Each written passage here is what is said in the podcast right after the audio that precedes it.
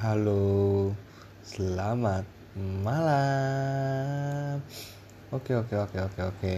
Jadi di sini itu gua bakal bacain sebuah dongeng buat seorang wanita yang sangat ngeselin. Seorang wanita yang sangat nyebelin.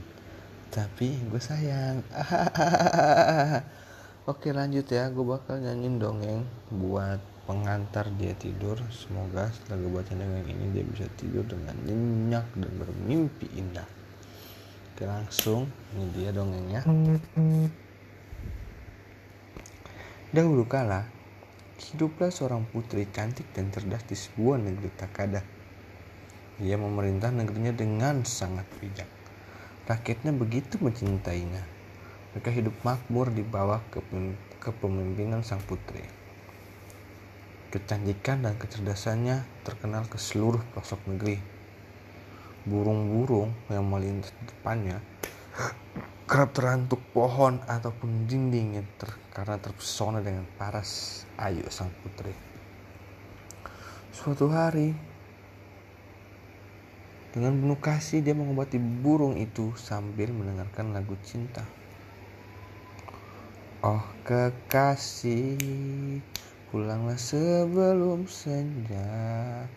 Diporak-porandakan, malam bawakan aku segelas madu yang takkan habis oleh tumpahan Bintang nyalakan selalu pagi untukku Agar burung gereja cantik ini Tak bosan bernyanyi untukku dari lirik lagu yang dinyanyikan sang putri sebelum gereja menebak kalau sang putri tengah jatuh cinta.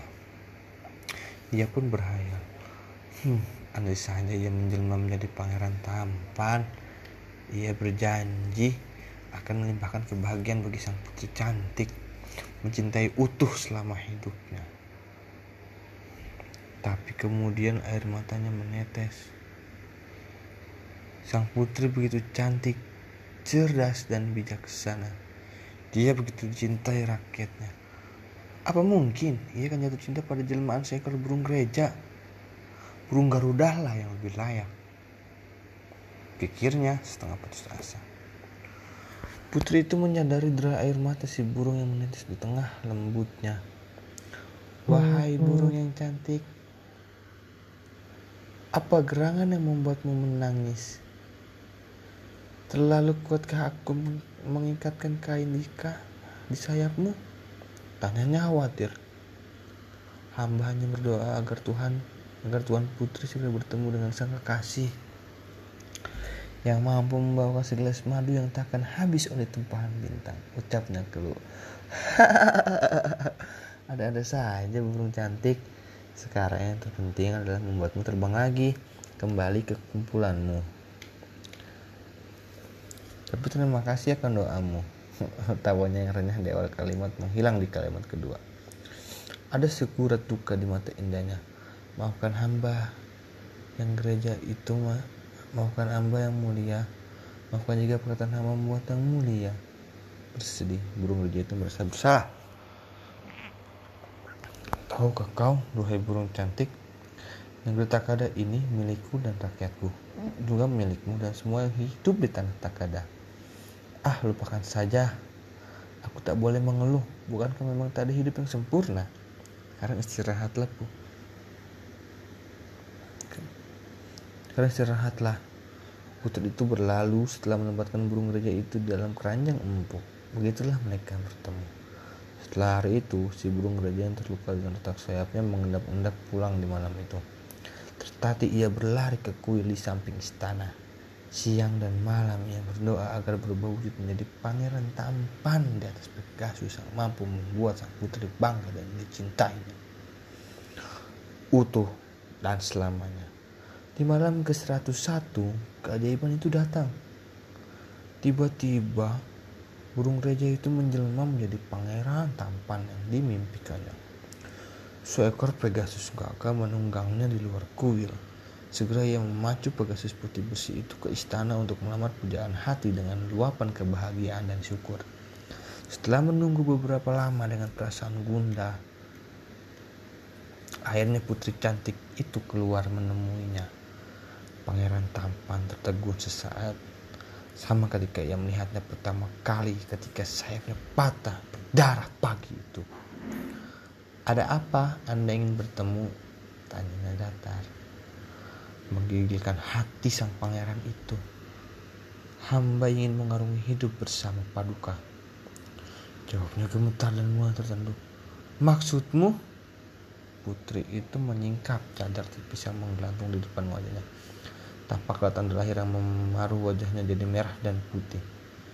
Putri itu tak secantik cerita. Putri itu tak secantik mimpinya. Putri itu tak seperti saat itu ketika sayapnya patah. Mengapa terdiam pangeran? Apa pangeran keliru dengan ucapan pangeran? Putri. Putri tak secantik ceritanya itu menurun kembali cadarnya dan duduk di singgah sana dengan penuh percaya diri. Tidak yang mulia, hamba ingin menua bersama paduka. Kini pangeran itu tak kalah percaya diri dengan kata-katanya. Si Irwo seisi ruangan menatap tak percaya. Mana mungkin pangeran tampan dia mau menikahi putri tak cantik lagi. Pikir mereka mengiba. Tidak ada yang salah dengan kata-kata hamba. Hamba yakin dengan kata hati hamba. Tapi aku tuh secantik putri dalam cerita. Kemungkinan akan menyesal nantinya. Jadi pulanglah, lupakan keinginanmu. Apakah yang mulia menolak hamba? Dia mendekat. Tidak demikian pangeran. Aku hanya ingin kau tanyakan hatimu lagi. Aku tak ingin kau tahu menyesali kemudian hari. Kau begitu tampan, tentu kau layak mendapatkan yang lebih cantik dari aku. Jika bukan karena yang mulia menolak hamba, tidak ada alasan bagi hamba untuk pulang dengan sayap patah. Pada yang mulia, hamba ingin pulang. Menjadi kan yang mulia sebagai rumah dalam kehidupan hamba. Tapi aku tak seca, tapi aku tak cantik dan kau layak mendapatkan yang seanggun dirimu, duhai pangeran tampan. Apalah arti sebuah kecantikan badani yang mulia? Semua manusia adalah cantik. Semua juga akan menua dan melewati masa-masa kecantikan itu kemudian mati. Hingga nantinya hanya akan jadi kerangka dalam kubur. Tak ada yang sempurna dalam hidup ini yang mulia. Di mata hamba, kecantikan yang mulia jauh melebihi kata cantik yang pernah hamba tahu. Seminggu kemudian, Nurul Takada berpesta untuk pernikahan sang putri dan pangeran tampan.